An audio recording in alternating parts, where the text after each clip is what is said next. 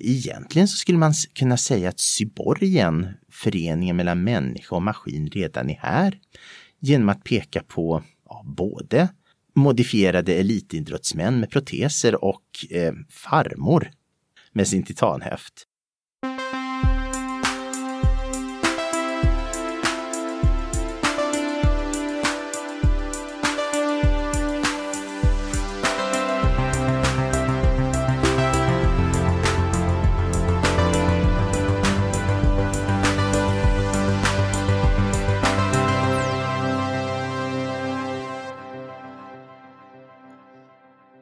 Kommer egentligen efter Homo sapiens? Sannolikt är det kanske en ny typ av människa som har gått samman med tekniken på något sätt. Transhumanismen är en tankerörelse där man välkomnar uppgraderingen av människan. Och på många sätt är det något vi redan håller på med. Så istället för att skrämmas av utvecklingen kan vi omfamna den och acceptera att framtidens samhälle kanske blir ännu lite mer brokigt befolkat av olika typer av arter och människoliknande varelser. Välkommen till Heja Framtiden, podden där jag, Christian von Essen, ställer dumma frågor till smarta personer. Vi vill passa på att tacka Helio GT30 där vi spelar in den här podden på Grefturgatan 30 i Stockholm. Helio är ett uh, coworking space och uh, community där man ordnar events och uh, hyr ut kontorsplatser och så vidare. Kolla in helioworks.se. Uh, Warp Institute är våra Heja Framtiden-kompisar som driver Facebookgruppen uh, Sveriges mest optimistiska Facebookgrupp. Där postar även jag nyheter varje torsdag. Låt oss tillsammans gå med där och starta en positiv framtidsrörelse. Jag vill passa på att flagga för hejaframtiden.se som innehåller allt du behöver veta om den här podden. Vi har även en Patreon-sida där man kan eh, betala en slant om man gillar det man hör. Bra, då skulle jag vilja välkomna er in till transhumanism. Heja framtiden!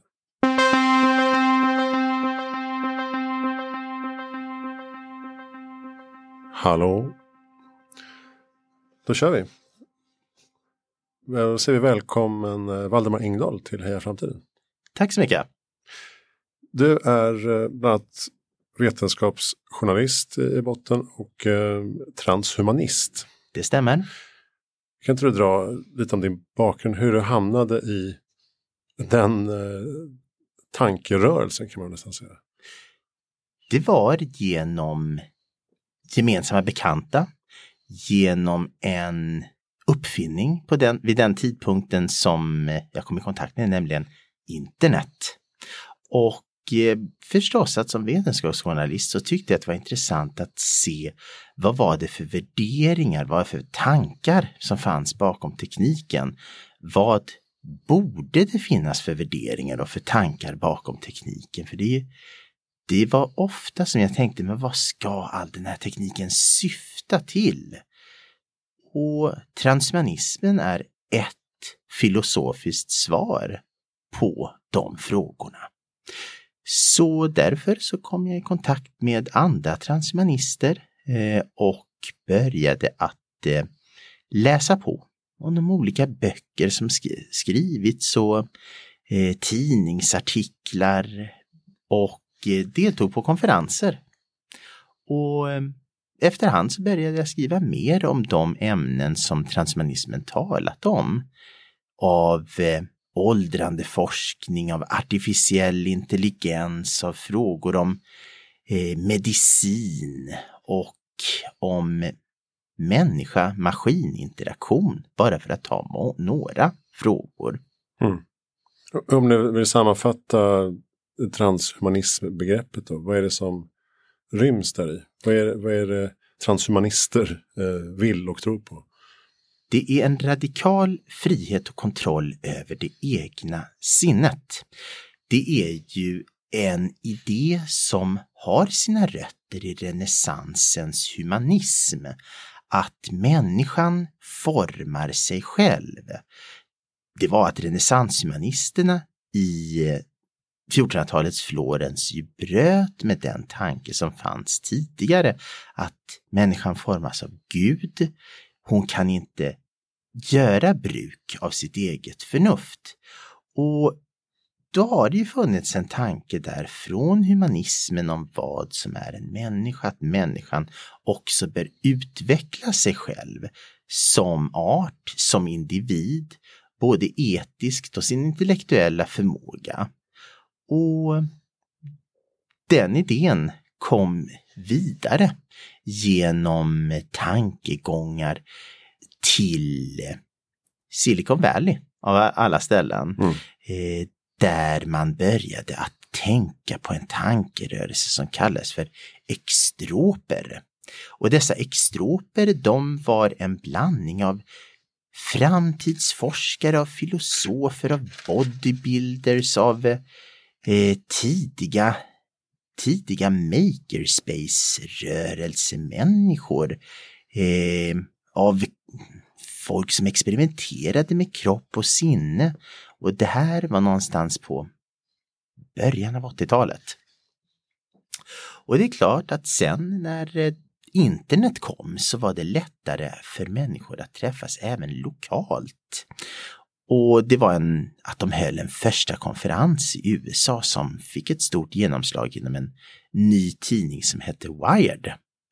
Som skrev om, om den och genom den så spred sig idéerna allt mer.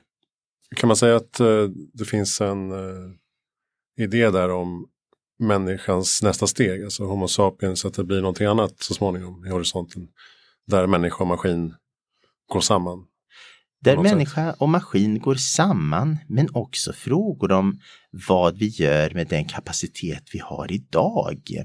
Eh, mycket av samtiden har ju handlat om teknik som höjer människans förmåga, inte bara att bota oss från en sjukdom tillbaka till ett tänkt tillstånd då man är frisk, utan mycket av förebyggande vård, ja faktiskt mycket av det som vi idag kallat sjukdomar ser vi är till, kroniska tillstånd, det vill säga någonting som kommer att inträffa för de flesta människor.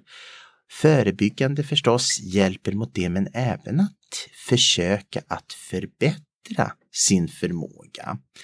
Eh, en sån sak som, som cancer som ju drabbar så många och att det är ju en, en del som påverkas av miljön men ganska lite. Mycket är helt enkelt åldrandet. Kan vi ändra på det? Frågar sig, frågar sig transhumanismen. Vad är det för medicin? Vad är det för medicinsk kunskap som behövs? Och om vi använder den, vad kommer den att göra med vår bild av människan? Mm. Men hakar transhumanismen i biohacking-vågen också så att säga? Eller den rörelsen? Det finns ju en koppling däremellan. Det fanns biohackers bland extroperna där på 80-talet och mm. det finns ju biohackers som dras till transhumanismen och transhumanister som förstås tycker att biohacking är väldigt bra.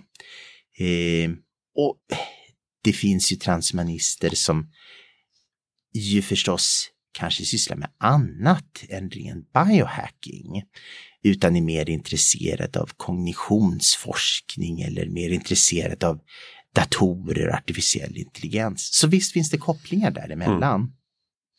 Varför är idéerna radikala på något sätt? Då? Mycket bra fråga. Eh, det är ju klart att när transhumanismen började att sprida sig i början på 90-talet var den ju väldigt långt ifrån sin mainstream. Därför att tanken att människor skulle kunna kunna ta kontroll över sitt sinne och kunna styra om sina sinnesinställningar, förstå hur hjärnan funkar, eh, att kunna ta kontroll över eh, sin kosthållning. Ja, du hamnade ganska långt ut i alternativfältet om man mm. säger så. Eh, det var inte många som gjorde det. Räkna kalorier, ja det, det var nästan lite väl medvetet på 90-talet. Tanken på att män är män och kvinnor är kvinnor och inte kan förändras var starkare då.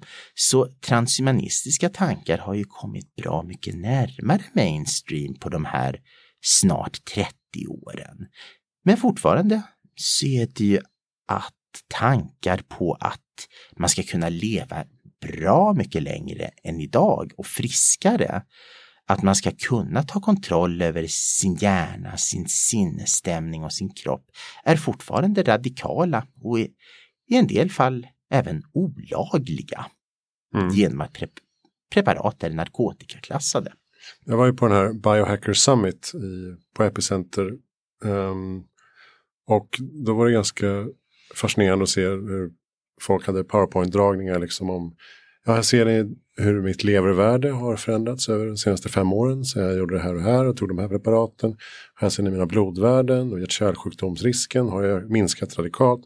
Det var en extrem koll på varenda aspekt av kroppen och att vara människa. Liksom. Dels att bli mer effektiv men också starkare bättre på många sätt. Och, och, och bromsa åldrandet. Det är idéer som jag som transhumanist förstås sympatiserar med. De kommer att vara nödvändiga därför att möjligheten att kunna förstå sjukdomar är ju inte genom att man blir sjuk vid en viss tidpunkt utan att man förstår hur hälsan förändras över tid. När man väl har blivit sjuk i många av de sjukdomar som, som drabbar människor i ett rikt land som Sverige idag, att då är det då är det svårare, kanske till och med för sent att bli botad. Så vi behöver en bättre koll över hur vår kropp fungerar. Men samtidigt finns det en fråga bakom det där. Om vi har all den här informationen om vår, vårt hälsotillstånd och kan se på den på ett mycket nyktrare sätt, om jag får använda det, det ordet än hur vi tidigare såg på hälsa. Att vi inte är rädda att gå, tidigare var man ju rädd att gå till doktorn. Nu har man ju doktorn på fickan hela tiden. Vad gör det med vår uppfattning om kroppen? Vad gör det med vår uppfattning om eh, vår personliga autonomi? Och det är ju frågor som fortfarande transhumanismen ställer och har radikala svar på. För det känns som att eh, det finns två reaktioner på den här typen av diskussion. Vissa säger åh, det här är så himla häftigt, vad spännande. Maskin och människa, fantastiskt. Och å andra sidan säger åh gud så hemskt. Det, jag tycker det är lite onaturligt det där. Och då är frågan, vad är naturligt? Jag brukar säga att första gången som människan lekte Gud var ju när hon började ploga marken. Och det blir ju allt mer människan som bestämmer vad som är naturligt eller onaturligt.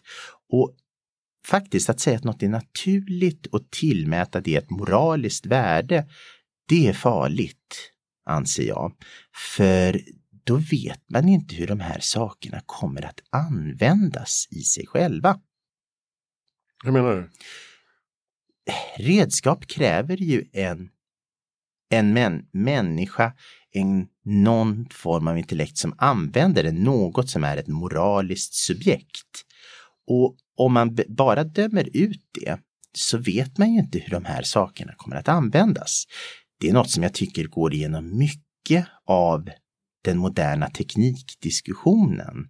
Att man borde vara mer försiktig Eh, med att döma ut tekniker också därför att idag så är många teknologier så sammankopplade att om du säger nej men vi måste stoppa AI och menar eh, då väldigt kraftfull artificiell intelligens och inte den som vi ser utvecklas idag.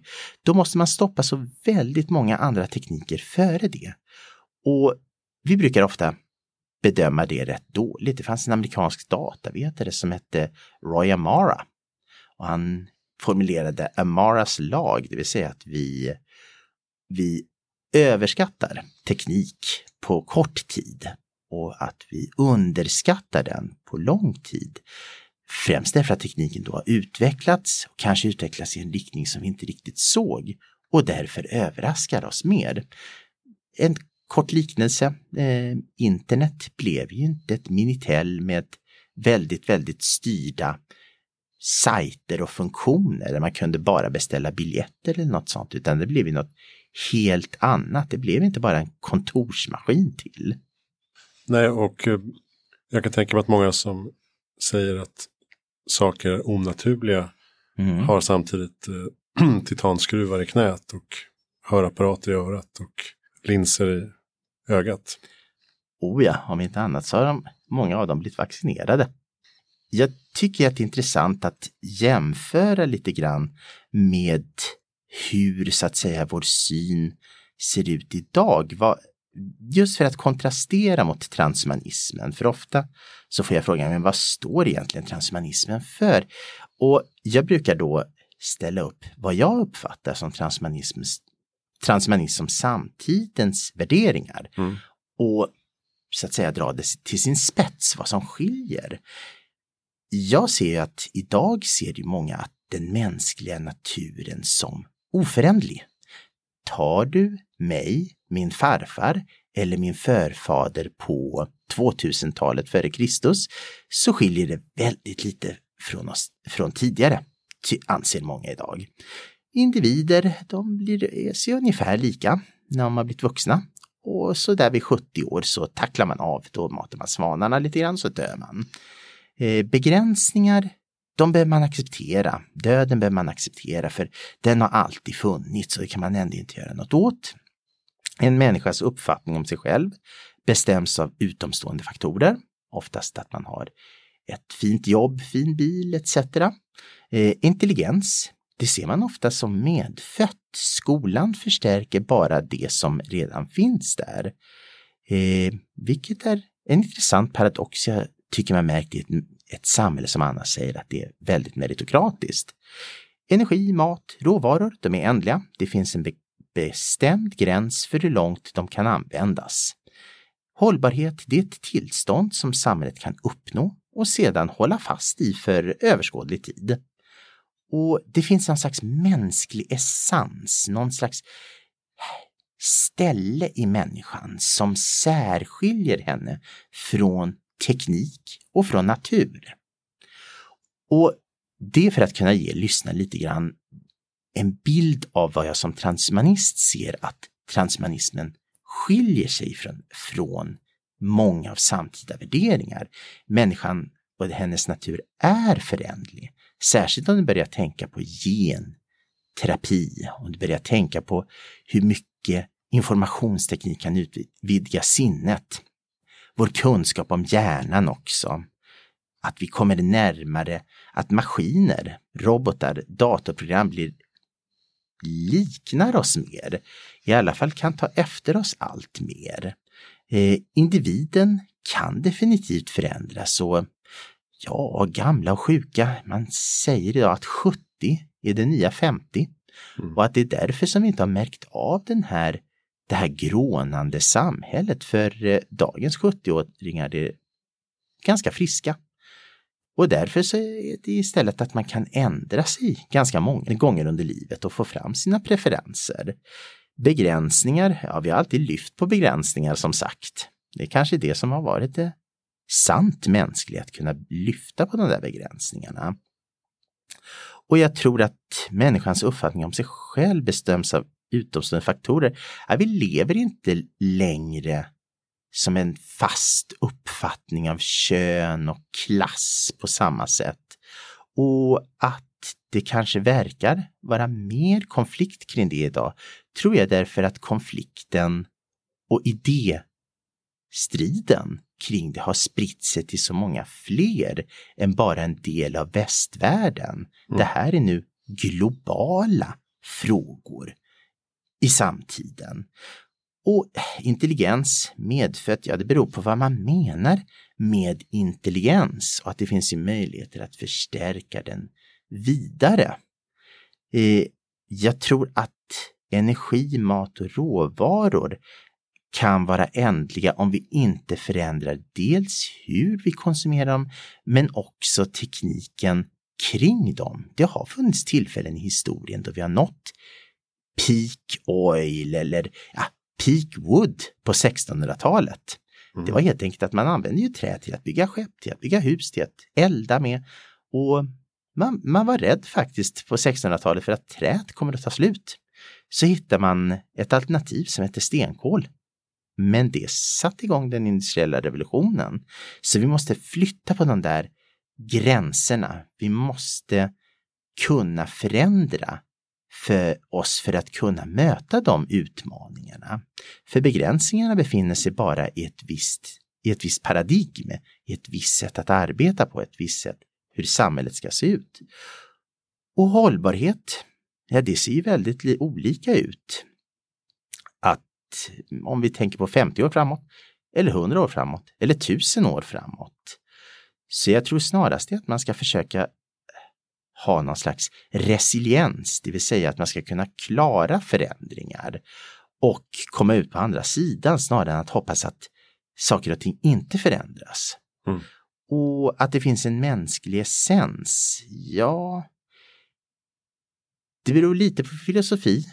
Det beror också på hur vi uppfattar naturen och tekniken, men den blir ju allt mer lik oss och vi vänder ju också på vår syn på naturen.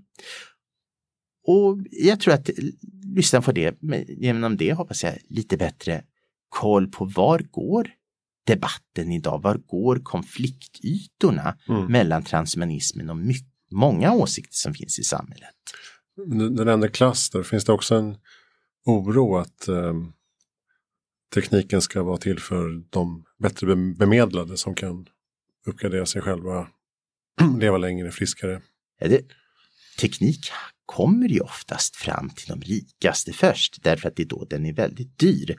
Så gjorde ja, exemplet som alltid brukar komma upp är ju mobiltelefonen. Den var ju en gång i tiden släpbar. Eh, men idag så är den ju eh, inte bara mycket billigare och mer händig, det har blivit en helt annan produkt som är i, i allas ficka idag. Det, det är snarare som slags bärbar dator som mm. mobiltelefonen har blivit och det har blivit mycket annorlunda från vad man tänkte sig hur det skulle se ut när den kom på 80-talet. Så jag tror snarast att det viktigaste där är att se hur att tekniken inte ska stöta på eh, blockeringar därför att man försöker att skriva in dessa i lagar, regleringar. Håll de här öppna och förutseende framför allt genom att tänka på handfasta fall, vad det är man vill skydda. Eh, om man anser att personlig integritet bryts på något sätt så ska man fokusera på det tillfället i lagstiftningen, inte på att tekniken eller den sociala medieplattformen är fel. I sig skulle vara fel. Ja, just det. Då skulle man ha stängt internet för länge sedan. Ja, så jag, jag tror att det är den lösningen som kan fungera på att för tekniken först kommer till de som har råd. Om inte annat så står de ju till tjänst med att vara försökskaniner för mm. den. Hannes Sjöblad var inne på samma eh, liknelse där med mobiltelefoner och att eh, teknik och biologi demokratiseras mm. snarare än att det blir elit kanske som sagt mm. en kort period. Jag tror väl att det är samtidigt viktigt att peka på att den där teknik, tekniska utvecklingen kommer att förändra oss. Som sagt, det blev inte bara en en billigare mobiltelefon, det blev en smartphone. Det blev något annat som förändrade vår relation till kommunikation. Eh, och jag tror att det är viktigt att försöka förutse sådana förändringar eller åtminstone vara beredd på dem. Och det är en av de saker som transhumanismen kan hjälpa till med. Just därför att i den här idérörelsen så tänker man på de stegen framåt, men också värderingarna på vad de borde sträva till. Hur länge tror du att eh, Homo sapiens kommer att vara Homo sapiens? Det är ju svårt att säga när postmänniskan, alltså någonting som är väldigt skilt från dig, mig och lyssnarna skulle dyka upp. Eh, när skulle vi dra den gränsen? Och det vem drar gränsen? Ja, vem drar den gränsen? Eh, egentligen så skulle man kunna säga att cyborgen, föreningen mellan människa och maskin, redan är här. Genom att peka på ja, både modifierade elitidrottsmän med proteser och eh, farmor med sin titanhöft. Mm. Och den gränsen kan vara svår att dra. Det är därför jag tror att vi i vår samtid har den här debatten om djurrätt. Att säga att djur har rättigheter är fortfarande en, en minoritetsuppfattning. Men det är ju att fler anser att nej, man ska inte plåga djuren och man ska inte, eh, man kan inte göra vad som helst mot djur. Och där har, finns det också en skala. Vissa djur uppfattar man som mer skyddsvärda än andra. Vi skulle nog, de flesta skulle nog reagera hårdare på om man gör en schimpans illa än om man gör en myra illa. Och då är det att vi har alltså en glidande skala. Och det är klart, det finns ju även för människor. Eh, vi har ju vissa eh, människor som vi anser vara extra skyddsvärda, oftast barn, medan andra eh, kanske inte har lika stora rättigheter som till exempel människor i koma, där det kan finnas ett tillfälle då en läkare kan säga att nu låter vi patienten dö. Varför det? Ja, därför att den patienten inte är riktigt lika medveten. Och alltså finns det glidande skalor även där inom etiken. Det är inget nytt. Och genom att maskiner blir allt mer lika oss får vi liknande glidande skalor. Mm. Just det. Om, om man nu kan skapa medvetande, vad ska man då skydda? Det är det jag menar, alltså vad är mest Mm. värt att uh, skydda? Och de, de etiska frågorna kanske inte blir essentialistiska, det vill säga att det finns något speciellt mänskligt som vi ska skydda, utan det kanske är just etiska situationer, etiska frågor som ska lösas oavsett om subjektet, det, den det handlar om frågan, är djur, människa eller kod. Jag tror att vi kommer få jobba, jobba en del med de här etiska frågorna de kommande liksom, 10-20 åren. Ja, idag är ju de frågorna ganska långt borta för många. Eh, det har varit ganska lite debatt om vad bör egentligen IT ha för typ av etik? Eh, idag ser vi en IT som är ganska hårt präglad av en viss etik, ett visst sätt att bygga upp den på, även om det finns olika filosofier. Men där är det ju att transhumanismen har tankar om vad det här borde sträva till, att hålla tekniken öppen, att det borde vara att man kan acceptera autonomi, självständighet hos tekniken och att det inte är farligt i sig utan snarare att man ska ta vara på möjligheter och se över de tillfällen som man kan hålla det här öppet och kanske hitta nya, nya, vad ska man kalla dem, varelser, nya mänskligheter kanske. Mm, just det. Har du sett eh, Black Mirror någonting?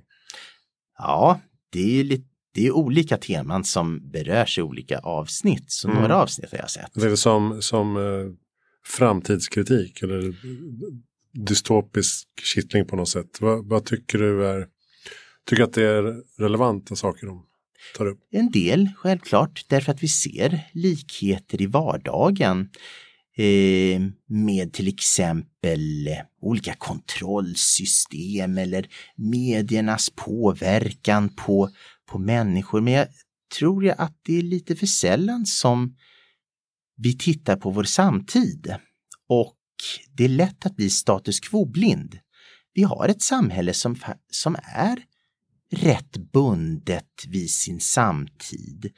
Eh, en ekonomi som inte har utvecklats särskilt bra, i alla fall i västvärlden, utan det har varit tvungen av ekonomiska stimulansåtgärder för att hålla igång det på sin nivå. Och många samhällsinstitutioner har inte utvecklats i samma takt som tekniken eller kulturen. Och jag tror att det är lätt att stilla sig blind på hur, hur bevarar vi samtiden eller en tänkt dåtid. Men det har allt för sällan varit att man har sett om vi inte utvecklar den här nya tekniken, kommer det verkligen vara som det var förr? Och det tror jag inte, för världen går vidare.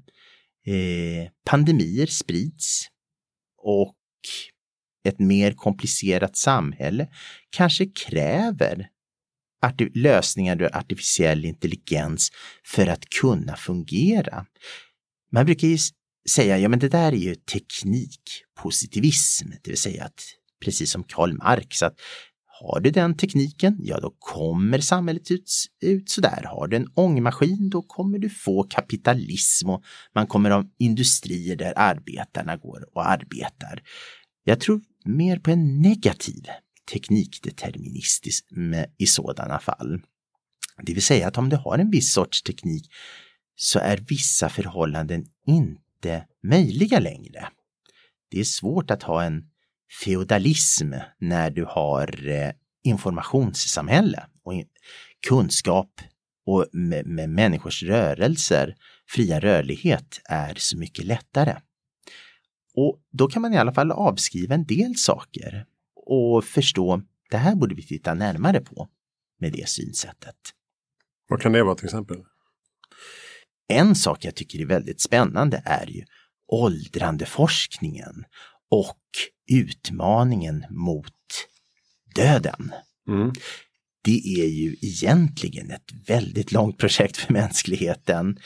Man säger att Kinas första kejsare Qin Shi Huangdi dog på 200-talet efter att ha enat Kina på ett rätt brutalt sätt. Därför att han dog i olika daoistiska ritualer för evigt liv. Där han fick kvicksilver att dricka av daoistprästerna. Och ja, kvicksilvrets egenskaper överfördes inte till honom utan han dog av det. Och det har vi ju sett länge, egyptierna som ville träda över till, de gamla egyptierna som ville träda över till livet efter detta i sina sarkofager. Eh, och det är klart, även människor senare vill ju leva längre, friskare. Men nu kan vi ju mer av det. Den stora hoppet upp i livslängd berodde ju på att folk slutade dö så förbannat. Mm. ja, det, det är ju faktiskt så. Man, man, färre barn dog, men också att man dog inte av de stora smittsamma sjukdomarna. Det är ju vissa sjuk, smittsamma sjukdomar som har blivit utrotade sedan dess. Eller i alla fall mycket begränsade till de fattigaste delarna av världen. Och sen så är det ju att livsstilssjukdomar är ju oftast att man kan leva med dem. Många av de här kroniska sjukdomarna har ju sett stora framsteg just därför att man dör inte av dem. Eh, utan man hinner dö av annat innan eh, istället för den sjukdomen. Mm. Och det gäller ju en hel del former av cancer, ja till och med HIV aids, otroligt nog. Tack vare bromsmedicinerna. Men skulle man kunna leva ännu längre, ännu friskare? Ja, det är ju möjligt därför att idag ser vi ju att det här nog kräver mer forskning och mer förståelse av, av åldrandet. Antalet hundraåringar har ju ökat väldigt mycket den senaste tiden, men inte 110-åringarna. Inte, li alltså. inte lika stor, relativt sett har mm. de inte ökat lika mycket. Och ja, det beror nog på ämnesomsättningen och de skador som det ger oss. Det finns en genetisk komponent även i åldrandet. Lyssnarna har säkert hört de här klassiska tidningsintervjuerna av man intervjuar eh, någon gammal tant eller farbror som blivit 110 eller något sånt och frågar hur blev tant så gammal? Och så brukar hon svara någonting om att hon aldrig ätit smör eller aldrig rört alkohol. Men det fanns ju den här The Last Tommy, den sista engelska soldaten som dog i, jag tror 170, han blev långt över 100, eh, från första världskriget. Och han svarade ju att det var eh, eh, vin, sång och vilda, vilda kvinnor som hade fått honom att leva så länge. Jag tror att det fanns var precis nu en massa bilder på en man i Amerika, i USA som blivit väldigt gammal nu, 114 tror jag han var, och som röker en cigarr varje dag. Och det stämmer ju, för dem. För de här personerna är så relativt sällsynta att deras, deras gener, deras ämnesomsättning har kunnat klara av allt det som dödat deras generationskamrater, men också hållit igång dem. Eh, så det, de är så sällsynta att de kan ha över, överlevt, att det spelar inte riktigt så stor roll om de har ätit smör eller inte.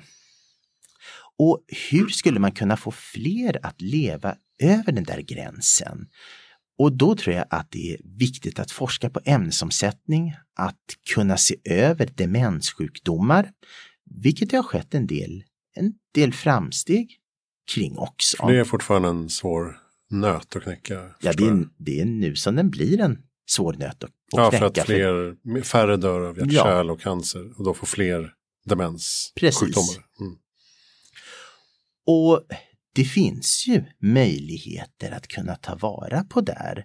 Eh, det ställer ju en massa svåra frågor tillbaka förstås kring åldrandet, om vår syn på åldrandet, ageism, alltså åldrande, diskriminering. För till viss del har ju våra föreställningar fastnat eh, i det förflutna och det, det skrämmer upp oss i onödan. Vi tänker på hur hur illa det var för farmor när hon låg på, på hemmet. Men det, det var något som låg närmare hennes tid, hur det såg ut på hemmet då. Idag så förväntar vi oss en, så mycket mer av vård. Så det är kanske det som skrämmer upp oss mer, vilket i och för sig är bra. Eh, för då har vi höjt våra förväntningar. För åldrandet, det dödar ju fler än klimatförändringarna och terrorismen tillsammans. Det ger för mig som transhumanister restperspektiv på hur vi bör tänka på åldrandet. Och där det finns liv, där finns det hopp. Och eftersom det är att vi kan påverka det här för att ha mer av, i alla fall av kosthållning, motion, minska stress, rökning förstås också, så borde det gå att kunna höja en aktiv glädjefull livstid. Sen brukar ju frågan dyka upp om evigt liv, men äh, den är ju svår att besvara för evigheten den är så lång. Eh, jag tror att det var någon som svarade eh, rappt på det där av evigt liv. Nej, jag nöjer mig med nog en 500 år. Mm. Eh, och trots allt kan man öka livslängden och i alla fall se till så att fler har kvar sina funktioner tror jag finns väldigt mycket att vinna. Eh, både för samhället i stort, därför att då har man människor som är mer erfarna och kanske något visare också. Det känns ju som att det är någonting man slänger ur sig gärna, att nu har den första 200-åringen fötts. Mm. Man kan bli kanske tusen år om man lyckas uh, hitta det där. Som att det skulle vara en liten pusselbit bara. Mm. Vad är åldrande? Och så hittar man den och så tweakar man den och så slutar man åldras. Det är inte riktigt så det funkar. Men hur ser, hur ser du eller ni som transhumanister på, på det, den här utvecklingen? Det går ju inte att komma ifrån att det här är att förbättra ämnesomsättningen i mänskliga, mänskliga kroppen. Det är ju svårt. Man måste hitta på något sätt att rensa upp restprodukter som, och skador som åldrandet har orsakat. Att man överlever en så dålig livsstil som att bli gammal beror ju på att man har förutsättningarna för det. Man klarar av att ta stryk under lång tid. Eh, det finns experiment på förbättrad ämnesomsättning som ökar livslängden hos nematodmaskar. Det är ju hoppfullt, trevligt, eh, men resultaten är kanske inte fullt så konsekvent och de är nematodmaskar och det gör att det är en bra bit tills att du kan... Vad är, nema, vad är nematodmask? Ja, det, det är som det låter. Det, det är som en liten mask som man kan göra experiment på. En ganska enkel organism som ju är ganska långt ifrån människan. Och då behöver vi en regenerativ medicin, något som läker, något som rensar upp de skador som samlas i celler, vävnader och organ. Och det här var ju det som man diskuterade faktiskt för en 18-20 år sedan, stamcellsdebatten, mm. där det ju var eh, många just av det här skälet som ville stoppa stamcellsforskningen. Och nog har stamcellsforskningen tagit några steg framåt men det har visat sig att det är komplicerat. För ja, medicinska, biologiska ämnen är komplicerade. Det, det är svårt att förstå hur kroppen fungerar. Men också att det är krävs ju rätt struktur, rätt forskningsstruktur och rätt incitament runt det där. Och idag så är det ju att vår läkemedelsindustri fortfarande är driven av att kunna sälja läkemedel till mycket breda patientgrupper som passar in i väldigt stora sjukvårdsorganisationer. Eh, man är ganska rädd på marknaden för att hitta små sjukdomar vilket, ja, orphan drugs som man brukar kalla det. Men egentligen borde det här vara ett bra steg över att läkemedelsindustrin växlar över till att bli terapi. Till något som fortgår hela tiden, som finns där i livet hela, hela tiden. Eh, så mer individanpassat? Ja, mer individanpassat, mer att det finns konstant och eh, man håller cellerna i lag så att man inte behöver byta ut våra organ. Det var också en debatt som fanns för en 20 år sedan. Xenotransplantat, det vill säga att man skulle odla mänskliga organ i till exempel grisar. Men det har ju också varit svårt för det stöts ofta bort. Men det, det är ju frågor om hur man ska kunna lösa åldrandet, hur man ska kunna förlänga den friska åren. Mm, och då har man ju gått ifrån sådana frågor, de etiska frågorna kring xenotransplantaten. Kanske inte kom fullt så långt, men det, den finns ju kvar, den forskningen. I alla fall eh, att komma ifrån det här att den bästa chansen idag att bli äldre än 100 år är att ha någon, någon förfader med rätt anlag. Och jag tror det bästa sättet är att ha ett helhetsgrepp på åldrandet. Men det, och det sociala har ju också visat sig vara en viktig faktor. Är det någonting man kan ta in i den här eh, teknik-människa-tanken också? Um, att man har kvar sina sociala kontakter. Fast det behöver sig inte vara med människor. kanske? Nej, bara ett väldigt enkelt exempel är ju att i Japan har man ju introducerat robotar i eh, åldringsvården det här har, vi, har man ju hört på tv-nyheterna i många årtionden, men det, faktiskt där roboten gjorde bäst nytta var kanske inte att lyfta patienterna. För det, det är svårt för en robot att göra, särskilt om den ska vara människolik. Eh, det kräver väldigt mycket avancerad mekatronik att lyfta en människa. Men där de funkade bra, det var som sällskap.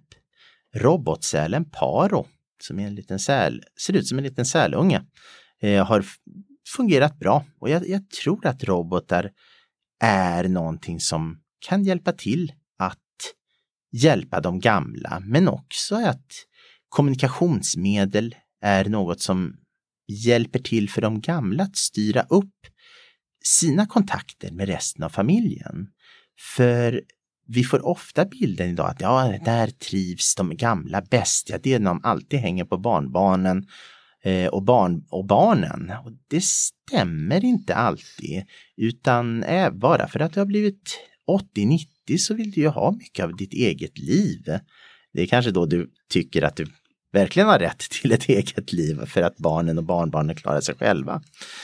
Och jag tror att genom den tekniken så har man också möjligheten att hålla sig yngre genom att man själv kan styra upp mer av sina relationer.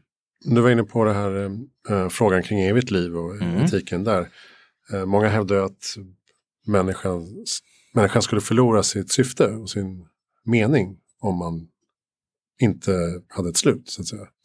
Hur ser du på det? Jag tror att en människas strävan förändras under hela livet. transhumanismen har ju mycket av den gamle grekiske filosofen Aristoteles dygdeetik, det vill säga att det goda livet är något som man skapar. Och ja, framtiden blir inte bra, utan man gör den bra. Och det ligger mycket i att en dygdetik behövs för att skapa en människas mening. Meningen kommer inte av någon slags avslut eh, bokföring på slutet, utan det är något som kan förändras eh, konstant under livet. Man kan göra bättre ifrån sig, man kan göra sämre ifrån sig. Och det öppnar för en större hoppfullhet. Det, man, det är inte kört. Men det är upp till oss själva att hitta, ja. finna meningen. Oh ja, det ställer ju en bra mycket högre krav därför att vi vet ju hur mycket som är möjligt och anar att mycket, mycket mer skulle kunna vara möjligt mm. i våra liv. Och jag, jag, tror att det är det lite grann en konflikt inom optimismen. Det klassiska exemplet brukar ju vara Dr. Pangloss ur eh, Voltaires eh, bok Candide. Och då är det att man brukar använda Dr. Pangloss som en, en parodi på en optimist för att han säger att vi lever i den bästa av världar och så händer bara elände i den där bokens, eh, den där romanens eh, handling. Jag skulle vilja säga att Voltaire var kanske lite mer finurlig än så med Dr. Pangloss. Nämligen att om man säger som honom att vi lever i den, i den bästa av världar så är det en optimism som faktiskt begränsar oss, att man inte kan göra saker bättre för det är så här det är så här det är, det är så här det måste vara för att det ska vara bra.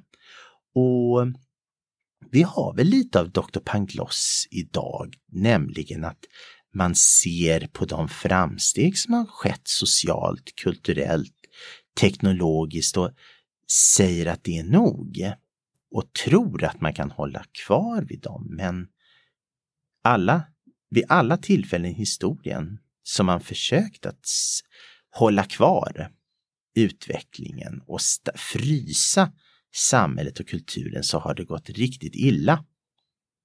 Mm. Du menar att man ska aldrig luta sig tillbaka? Eh, jag tror att att luta sig tillbaka är något som man ska göra när man förbereder nästa steg. Trots allt, det kommer alltid finnas tid att inte göra någonting. För eh, nya möjligheter öppnar sig alltid, förutom när vi är döda.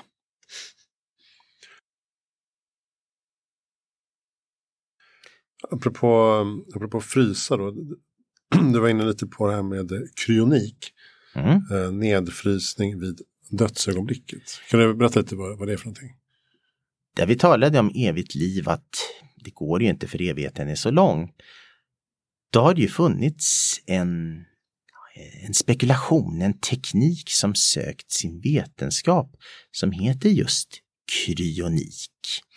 Eh, och det är att frysa ner människokroppen, att bli som en, som en tidsresenär. Eh, bara det att det sker i, i realtid och inte genom att man teleporteras in nästa tid. Och det började på 60-talet i USA och har ju förstås varit en, en rörelse, en, en idériktning som legat, ligger transhumanismen väldigt nära. Skulle det kunna vara möjligt att spara en kropp till en tidsperiod då det är möjligt att bota det som nästan dödade då personen? Det är möjligt, man har ju försökt att frysa ner kroppar. Det har väl gått sådär. De första, första kryonauterna, de första som kry, eh, frös nedfrysta, tekniken kommer att vara, behöva vara ganska så avancerad, mycket mer avancerad än idag för att kunna väcka upp de här.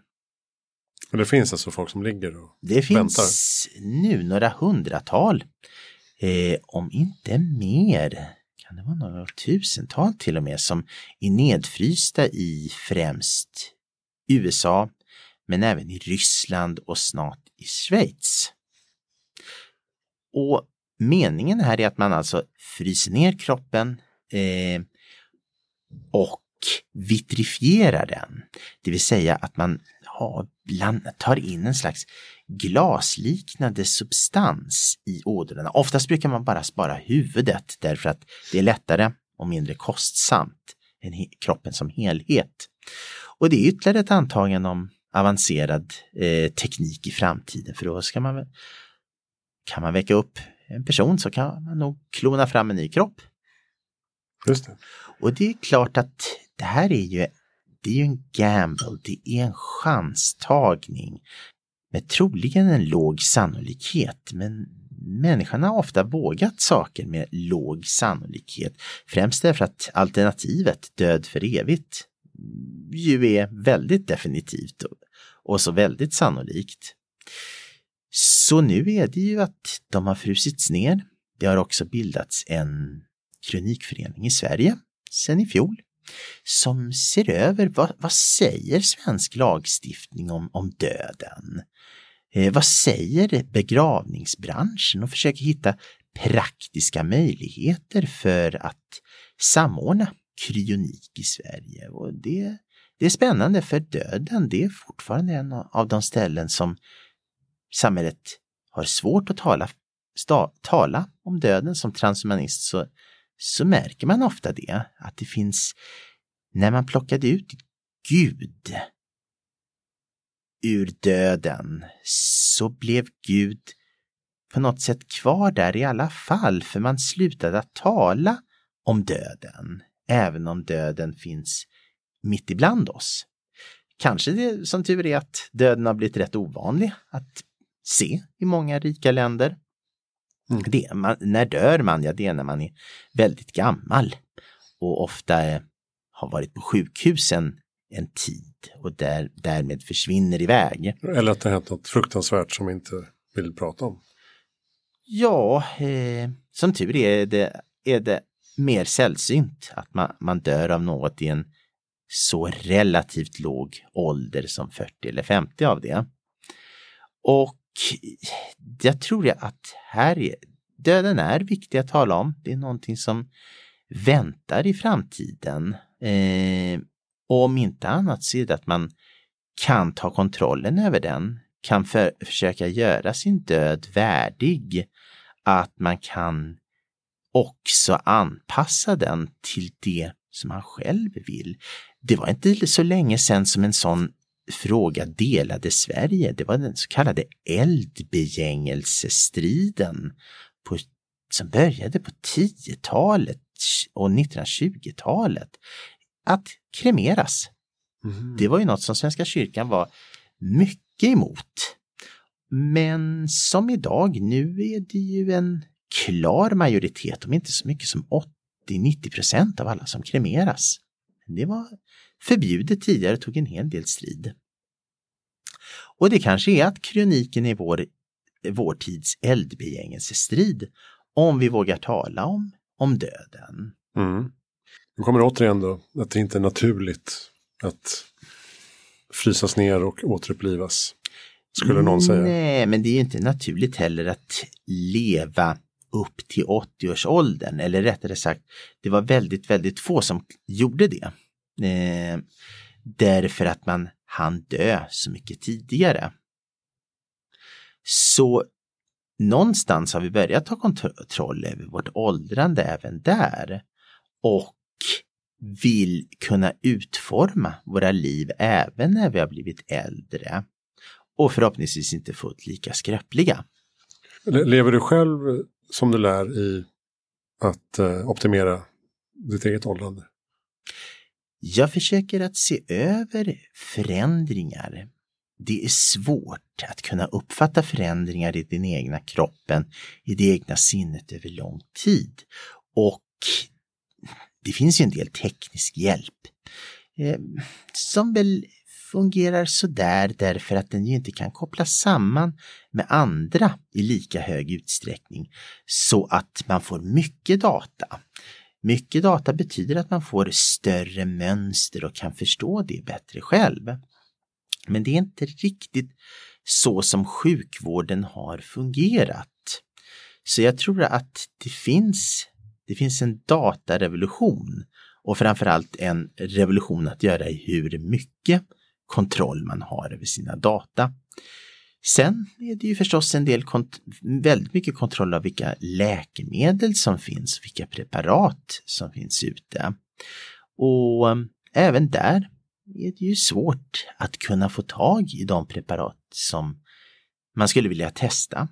Och även om de fanns där så finns ju inte riktigt studierna för att göra jämförelse med eh, prestationsförbättrare för hjärnan, notropika, så är det ju ett av de stora problemen att man känner till hur preparat som modafinil, alltså en, en slags sömnreglerare, att den kan påverka hjärnan.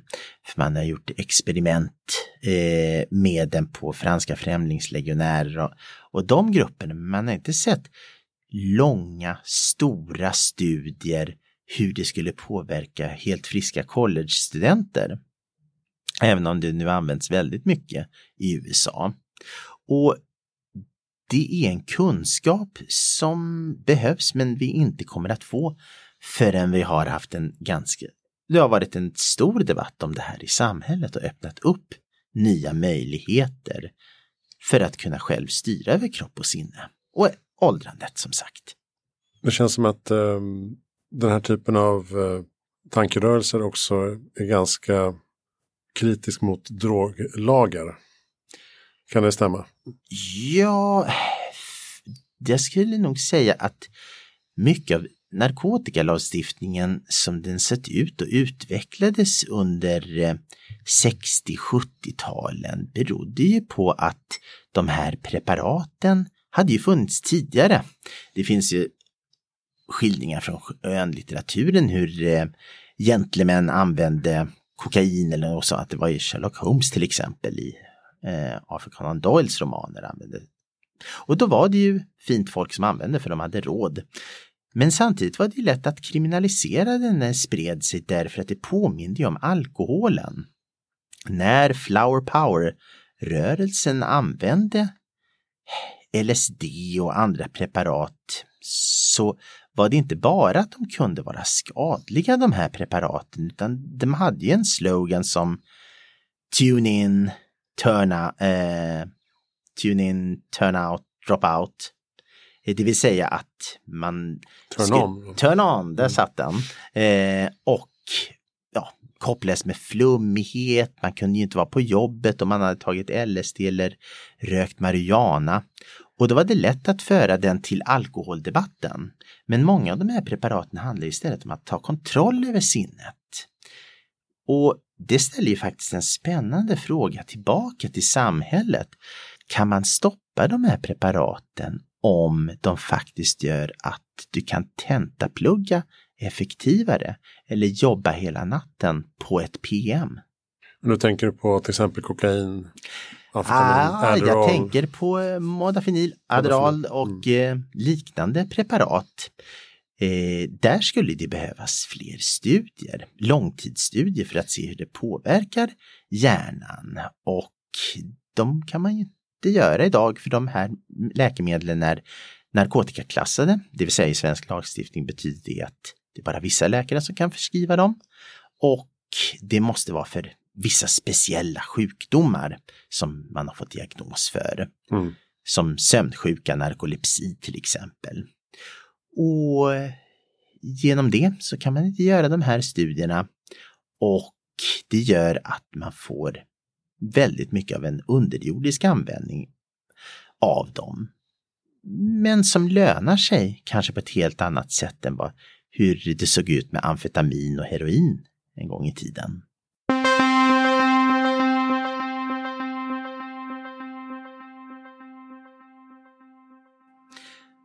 Modafinil togs fram av hjärnforskare i Frankrike på 70-talet som ett alternativ till amfetamin för patienter med narkolepsi.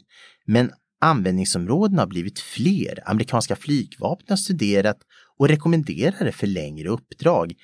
Eh, elitsoldaterna i Navy Seals och andra specialstyrkor sägs använda det. På sistone har det uppmärksammat därför att många i ledningspositioner på startups i USA tar modafinil. det finns till och med ett begrepp för de som tar smart drugs för att orka jobba mer. Extreme workers. De narkotikaklassade varianterna av Notropika är populära bland studenter på finare lärosäten i USA och England. Redan år 2013 rapporterade tidningen The Guardian att en av fyra studenter på Oxfords universitet hade tagit modafinil. Nu flyttar det in på vanliga arbetsplatser, mest i USA, men även i Sverige och våra grannländer kommer rapporter om att bli allt vanligare. Men även psykedeliska droger används väl mer idag som mikrodoser, alltså MDMA, eh, LSD, svampar till exempel. Oh ja, det, fin det beror ju på att man nog ser på det på ett annat sätt. Kanske att den här andra neuroetiska, neurofilosofiska synen har kommit även på de här äldre preparaten. För 60-talet var ju just av att hitta sköna vibbar, eh, hitta andligheten i dem och det var lättare för samhället att slå ner på. Men jag tror att det är en debatt som ligger och puttrar under ytan som kommer att haka fast i många andra medicinska debatter. Men idag så har det, lycka, har det inte kom, lyckats komma fram därför att sjukvården ju är till, är utformad till att bli ransonerad. Den handlar ju inte om att ge rätt till vård lika mycket som att ransonera vården och hålla kostnader nere och kunna säkerställa att patienter blir friska till vissa förutbestämda tillstånd. Det vill säga man blir tillräckligt frisk för att man ska inte vara sjuk utan man ska läka till att bli frisk. Mm. Och mm, det är en stor debatt och när den väl kommer så gäller det att, att vara beredd och förhoppningsvis kunna se till att det blir en humanistisk debatt som sätter människan främst. Men den, den kraftiga opinionen för cannabislagstiftning kanske kan påskynda Möjligen. samtalet? Den har ju varit mer rekreationell och det finns ju forskning som pekar på att cannabis kan hjälpa som smärtlindrare och som en... Jag tror att det också beror på att man varit så väldigt försiktig med smärtlindrande preparat därför att man är rädd för opiater. Kanske att det, på, att det kan påverka människor till att bli mer öppna för att kunna ha en god debatt om notropika. Möjligtvis, jag är lite lite tveksam till det också därför att det, det kommer från en, an, en äldre medicinsk syn, en äldre syn på hur hjärnan fungerar och varför man använder de här preparaten. Eh, det vill säga att mot rus, mot eh, upp kognitionsförbättring. Det är två ganska olika saker. Hur definierar vi de tropika? Det finns många definitioner. Jag skulle väl säga att jag brukar säga att det är någonting som höjer hjärnans förmåga på något sätt, förbättrar kanske minnet, förbättrar kanske möjligheterna att tänka snabbare, eh, att kunna, kunna hålla sig vaken längre tid. Men det kopplar ju samman även till olika minnestekniker och olika sätt man kan förbättra sinnet på som ju också transmanister försöker ta till sig. Till exempel eh, sådana saker som eh, minnespalatset. Eh, det är en minnesteknik där man kan visualisera tankar, där man kan visualisera minnen för att kunna komma ihåg mycket mer. Och det är också en form av minnesteknik för att förhöja sinnets förmåga. Så jag tror att notropika-begreppet idag hållits väldigt kemiskt, men det är något som också kan bli mer för sinnesutvidgning och någonting som också kopplar mer in i IT och i eh, att koppla samman med, med teknik. Vi, vi ser ju idag att det finns hjärnpacemakers vid olika ne eh, neurologiska sjukdomar där man använder för att hålla igång hjärnan. Eh, finns det andra användningar för det? Finns det annan teknik som man skulle kunna använda för att förbättra sinnet på, på ett liknande sätt? Och då har vi även där en, en etisk debatt om var börjar människans hjärna och var börjar maskinen? Mm. Ser du en framtid där man eh, faktiskt kan plantera in minnesförbättring eller processorkapacitet ja, i hjärnan? Det är ju möjligt. Det, det, finns ju blinda som har fått tillbaka synen tack vare det. Eh, tack vare sätt att stimulera deras synnerver igen med teknik. Så ett sådant steg har, har ju tekniken lyckats åstadkomma. Men det väntar nog säkert mycket mer. Sen är ju frågan om man kan spela in minnen. Det var ju nyligen som det var en serie på Netflix som heter Altered Carbon där Joel Kinnaman spelade huvudrollen. Och det var en spännande serie ur en, ur en transhumanistisk synvinkel om hur man kan spela in minnen och spela upp dem i olika kroppar och vilka effekter det får för samhället om man kan föra över minnet, medvetandena till nya kroppar. Eh, egentligen på ett chip.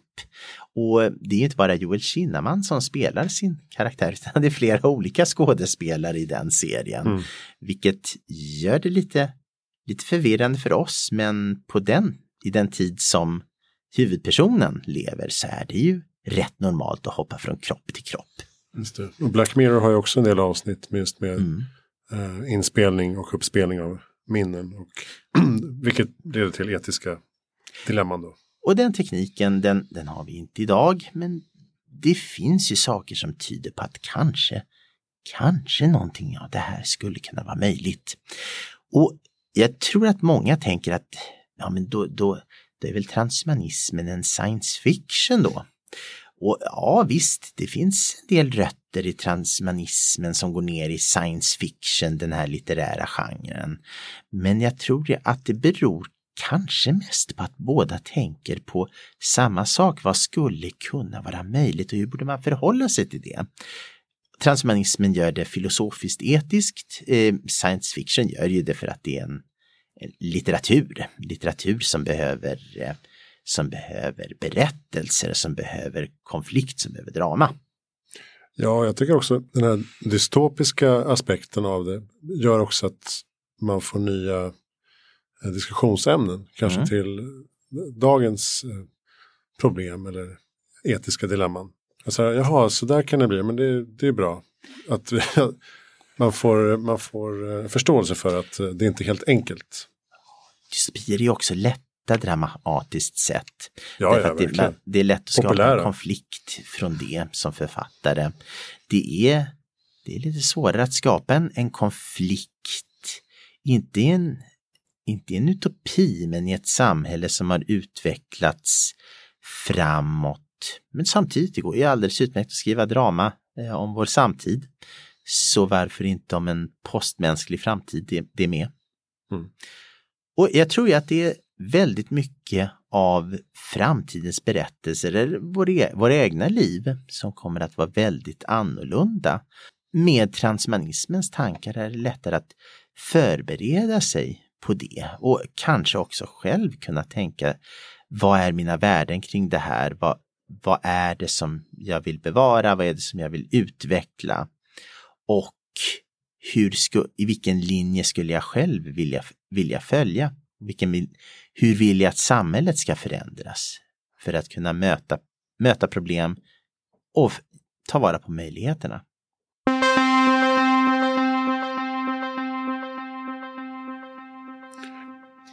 Ja, jag tänkte vi skulle komma in lite på artificiell intelligens.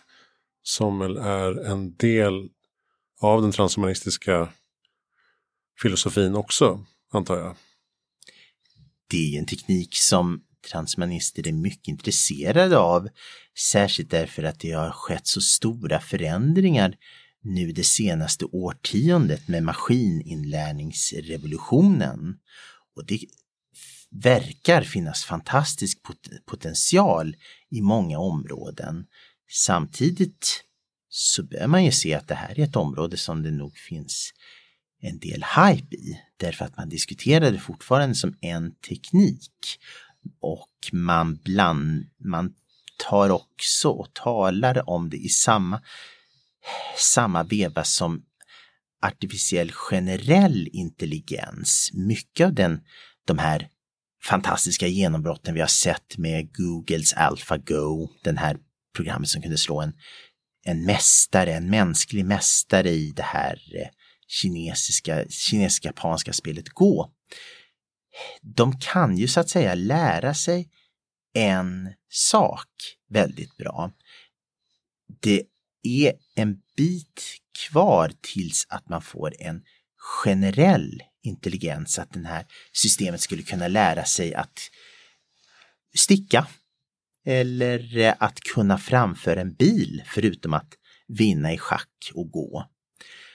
Och jag tror ju att det är därför man ska lägga många förhoppningar om självkörande bilar också på en, en, försiktighet för de här ska ju framföras i ett kulturellt system, trafiken, och hur de då kan fungera.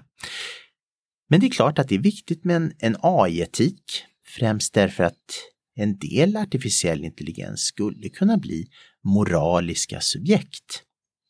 Och då är det väl värt att tänka på vad innebär det här postmänskliga tillståndet? Finns den, som vi har talat om tidigare, en sann mänsklig, mänsklig identitet? Att det är ett slutet, människan är ett slutet objekt. Och jag tror det att det ligger bakom mycket av AI-debatten, nämligen att man, man vet inte riktigt gränserna på det och då tror man att det är gränslöst. Och en viktig fråga är just vad, vad vi kommer att se som människan i framtiden. Eh, det finns en, alla har nog sett någon gång i skolan den här klassiska bilden av att man ser människan som går från någon slags människoapa så blir det en lite mer människolik apa och så blir det en neandertalare och så blir det en kromagnon och så blir det nutidsmänniskan. Och en del transmanister brukar lägga till lite skämtsamt att efter den där nutidsmänniskan så kommer någon robot eller cyborg eller något sådant. Men den bild vi kanske bör ta till oss, särskilt med hur vi nu vet från eh, vad eh, antropologin säger oss, paleantropologin säger oss om hur såg mänskligheten ut tidigare? Eh, hur såg den ut på stenåldern, de första utvandringsvågorna från Afrika? Det fanns många olika människoarter som verkade leva sida vid sida. Att man kunde se att de fanns neandertalare, att det fanns Homo florentiensis och vi kanske är på väg mot samma tillstånd igen. Och jag måste säga, jag, jag tycker det är hoppfullt därför att det ökar möjligheterna både för mänskligheten att kunna anpassa sig och leva efter nya förhållanden och också för individen att kunna ta vara på sina sina egna, sina egna ambitioner, sina egen, sträva efter sin egen lycka. Och ja, jag brukar tänka då på kantinan i Mose Eisley av alla ställen. Det var en transhumanistisk bioetiker e-, som användes som exempel. Eh, du vet, the most wretched eh, hive of scum and villain in the known universe. Men ändå, det var en massa olika konstiga arter eh, som fanns där som besökte den här baren. Men de kunde klara sig i relativ fred. Och jag tror att något lik en liknande blandning är fullt möjlig även för mänskligheten och postmänskligheten. Och att det är en nödvändig utveckling. Men om man, eh, om man går till AI då, tror du på att det finns en punkt där den här generella intelligensen överstiger människan, alltså så kallad singularitets eh, tröskel som passeras? Det rymmer en del, en del frågor. Dels så är det ju att det finns system som är mycket mer intelligenta än oss människor redan idag. Men det är ju på begränsade uppgifter. Eh, dat det här dataprogrammet skulle kunna besegra oss i schack. För Det är det den kan, den kan spela schack. Eh, kan den interagera med oss och vi uppfattar den som mänsklig? Ja, det kan den ju idag. Det är ju därför som agenter blev eh, så populära på olika organisationer och företags webbsidor för en tid sedan. Därför att man börjar se dem mer sömlöst och Google kom ut nyligen med en agent för sin för Android som började att humma och lät väldigt mänsklig när den beställde tider hos frissan. Ja, den eh, AI, eller vad säger chattbotten ja. kan man säga nästan. Eh, så den kan, en AI kan likna en människa. Den kan inte tömma en diskmaskin. Nej, det är redan en svårare uppgift för en AI att lära sig. Eh, det man kallade Moraveks paradox efter en robotforskare, att det är svårt att riktigt få koll på en komplicerad uppgift på det sättet att en abstrakt upprepningsbar eh, uppgift, det är, no det är något som en AI, en robot kan klara. Det är ju därför också att det finns väldigt mycket av intellektuella arbeten idag som är hotade därför att många intellektuella arbeten ju faktiskt är ja, rutinmässiga och arbetsmomenten återupprepas och återupprepas. Trots allt, eh, en, en sån form är ju eh, bokföringsprogram. Hur många eh, redovisningsassistenter har inte blivit arbetslösa på grund av det? Men det är ju inte en artificiell intelligens. Så en artificiell intelligens som jag skulle vilja säga har förändrat väldigt mycket, det är ju Google. Sökmotorn Google, det, det är en form av AI. Eh, genom att den söker och hittar samband genom, län, genom länkar och information som dess sökrobotar hittar på nätet och skrapar från olika webbsidor för att skapa ett, en indexering. Och det kanske är så som en AI är. Om vi tänker AI så blir det någonting liknande AI en häl i 2001, Stanley Kubricks gamla film.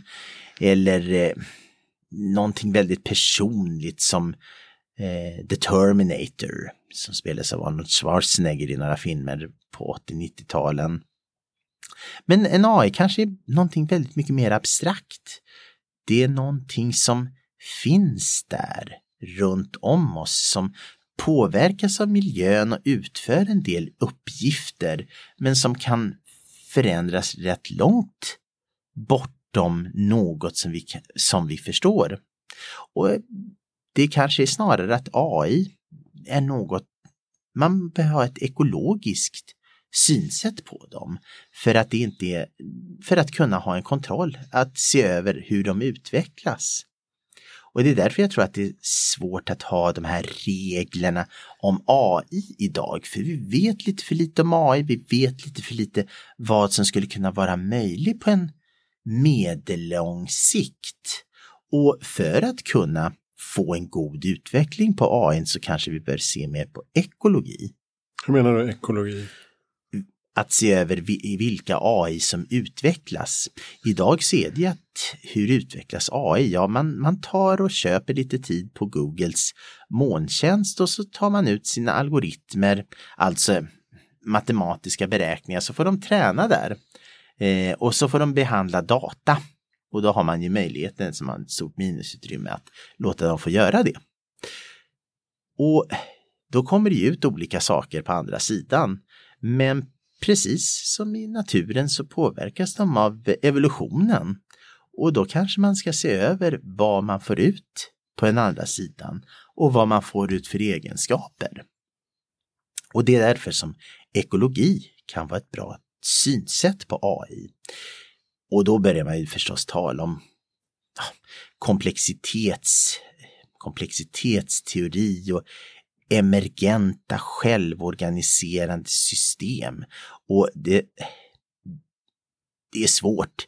Det, det är vetenskapliga discipliner som börjat ganska nyligen, även om man har observerat att fåglar inte flyger i flock efter någon speciell ledare utan de formar sina rörelser spontant efter hur fåglarna bredvid dem flyger. Och det, det är en form av, av emergent system. Men de studierna har, har nog mycket mer bra utveckling att behöva göra. Men ändå så är det det som kan fånga komplexiteten i AI och som kan hjälpa till att utforma bra AI-system. Du menar att det är svårt att moralisera kring det här idag. Men vi, kanske, men vi bör kanske rusta oss för alltså, forska på AI-säkerhet också. Ja, forska på AI-säkerhet, eh, hitta kanske förhållningssätt snarare än regler därför att mycket förändras. Och det är då också som man kan se på nya användningar av AI, av AI som vi kanske inte väntade oss tidigare. Och det är också då man kan se, börja prova ut AI eh, i att fungera Eh, i arbetslivet. Var bör man sätta i AI? Är det hela tiden eller är det bara ett visst moment? Kan AI funka i alla moment? Det, det är de frågorna som håller på att testas ut nu, men eh, som jag tror är lättare att kunna tackla med ett ekologiskt synsätt. Och då är ju frågan förstås, vad sker om det kommer en exponentiell utveckling? Ja, exponentiell utveckling har ju börjat omtalas nu om att man skulle se att först så händer ingenting och så händer ingenting och eh, utvecklas inte särskilt mycket. Men plötsligt vid en punkt så är det att förändringen har blivit så stor att den går över en tröskel och så plötsligt så skjuter den här utvecklingen, förbättringen upp i taket, mm. rakt genom taket på kurvan. Och det blir i det här fallet då så brukar man säga att det är ett AI-system som går från att vara intelligent, klarar någon sak till att det plötsligt klarar allt. Det blir superintelligent. Och någonting som är näst, väldigt svårt för människor att förstå vad det skulle vara för någonting. Nu ser vi ju sällan exponentiella utvecklingar i naturen för ja, det brukar ju vara väldigt stora omslag när de väl kommer. En sån radikal tillväxt. Och det kanske inte att vi kommer att se det med AI. Eh, vi har haft så kallade AI-vinter förr, det vill säga att utvecklingen inte har gått så fort eller man har stött, stött på problem. Det var ju fram till 90, ja, 90-talet, 00-talet som det var en AI-vinter. Varför det? Ja, man försökte skapa, återskapa en mänsklig hjärna. Men det är något av det mest komplexa som finns i universum, en mänsklig hjärna. Så då var det kanske istället att bygga, bygga modeller för hur, hur systemet datasystemet kan lära sig. Och det var ju mer framgångsrikt och därför fick maskininlärningsrevolutionen på 10-talet. Så jag tror att en singularitet, en teknologisk singularitet, det är någonting som är utsträckt över lång tid. Man skulle kunna säga att när människan började bruka jorden var det en teknologisk singularitet. Industrialismen var en teknologisk singularitet. Men att det här är någonting som ju också är efterkonstruktioner. Gränsen mellan när människan blev bonde, den har flyttats fram och tillbaka några gånger och det tog lång tid. Eh, kanske att människan blev bonde för att möta en förändrad omvärld. Man har spekulerat i att det var klimatförändringar som gjorde att människan lättare jagade bort eh, alla djur från ett område. Man behövde få mat kontinuerligt. Jägare nomader, de eh, äter upp allt i ett område så flyttar man vidare. Det kunde man inte längre och därför blev man tvungen att bruka jorden. Det är en teori om hur jordbruket spreds och blev populärt av, mm. av överlevnadsskäl. Och något liknande kanske sker med artificiell intelligens. Jag, Nick Boström eh, som har forskat om det här har sagt att AI kan mycket väl bli människans sista uppfinning.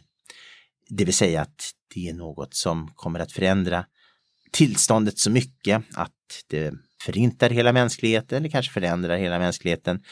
Men jag skulle vilja säga att om vi inte har uppfinner AI så är det nog den sista uppfinningen vi inte gjorde. För att därför att det är en sån generell teknik som kan användas på så mycket, som kan möta så många komplexa problem. Och vi kommer att ställas inför allt mer komplexa problem. Att utan AI, utan en förstärkning av, av människan är det ver verkligen något som kan utrota oss som art. De flesta däggdjursarter brukar väl leva i några hundratusen år och människan har klarat sig bra hittills. Men det beror på att vår miljö har varit relativt stabil. Om vi börjar runda av här då, vad är din eh, liksom, grundsyn på framtiden? Framtiden blir inte bra, vi gör den bra. Det är en viktig dygdig etisk tanke från transhumanismen. Det finns mycket stora hot men mycket stora möjligheter och en väldigt bra framtid som är fylld av möjligheter, av frihet och av kultur är fullt möjlig om vi vågar ta steget, om vi vågar arbeta för den. Om man är nyfiken mer då på transhumanismen eh, så har vi Humanity Plus, är väl en amerikansk det är en moderorganisation? Ja, eh, det finns även eh, Humanity Plus runt om i världen, så även i Sverige. Och då heter den Människa, Människa Plus. Plus. Man kan titta in på den Facebookgrupp som finns, läsa på hemsidan om man vill ha mer information om transhumanism på svenska. Och där kan man också förstås hitta mer. Det finns en del litteratur på, på svenska om transhumanism nu. Jag tänkte faktiskt fråga om du har några bra boktips för den som är intresserad. Inte på svenska och inte på döda träd. Eh, det finns en gammal klassisk webbplats från 90-talet, Anders Sandbergs webbsida om transhumanism som fortfarande är läsvärd. Sen om man går över till det engelska språkområdet så finns det ännu mycket mer.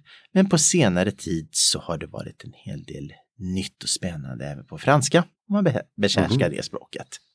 Men har du inget konkret tips på engelska då? definitivt lä att läsa tänkare som Ray Kurzweil, att läsa det som skrivs av eh, tänkare som Nick Boström, som Anders Sandberg. Det finns en hel del svenska transmanister som har eh, blivit stora namn även internationellt. Och förstås även att titta på vad som skrivs på nätet det är där mycket av utvecklingen inom transhumanismen äger rum. Hur kommer man i kontakt med dig då? Man kan ju hitta mig på Facebook, på Twitter. Så kan man, eh, om man har följdfrågor, Din ställ blogg. dem gärna till mig. Min blogg också. Vad är det? Det är valdemaringdahl.blogspot.com. Mm. Perfekt. Tack snälla Valdemar för att du kom hit. Tack så mycket Christian. Jag heter Christian von Essen. Uh, Heja Framtiden är tillbaka nästa gång med något annat. Och uh, istället för att rabbla allting så säger jag bara gå in på hejaframtiden.se så finns eh, länkar till alla avsnitt och alla kontaktytor. Tack snälla för att ni lyssnar på Heja Framtiden.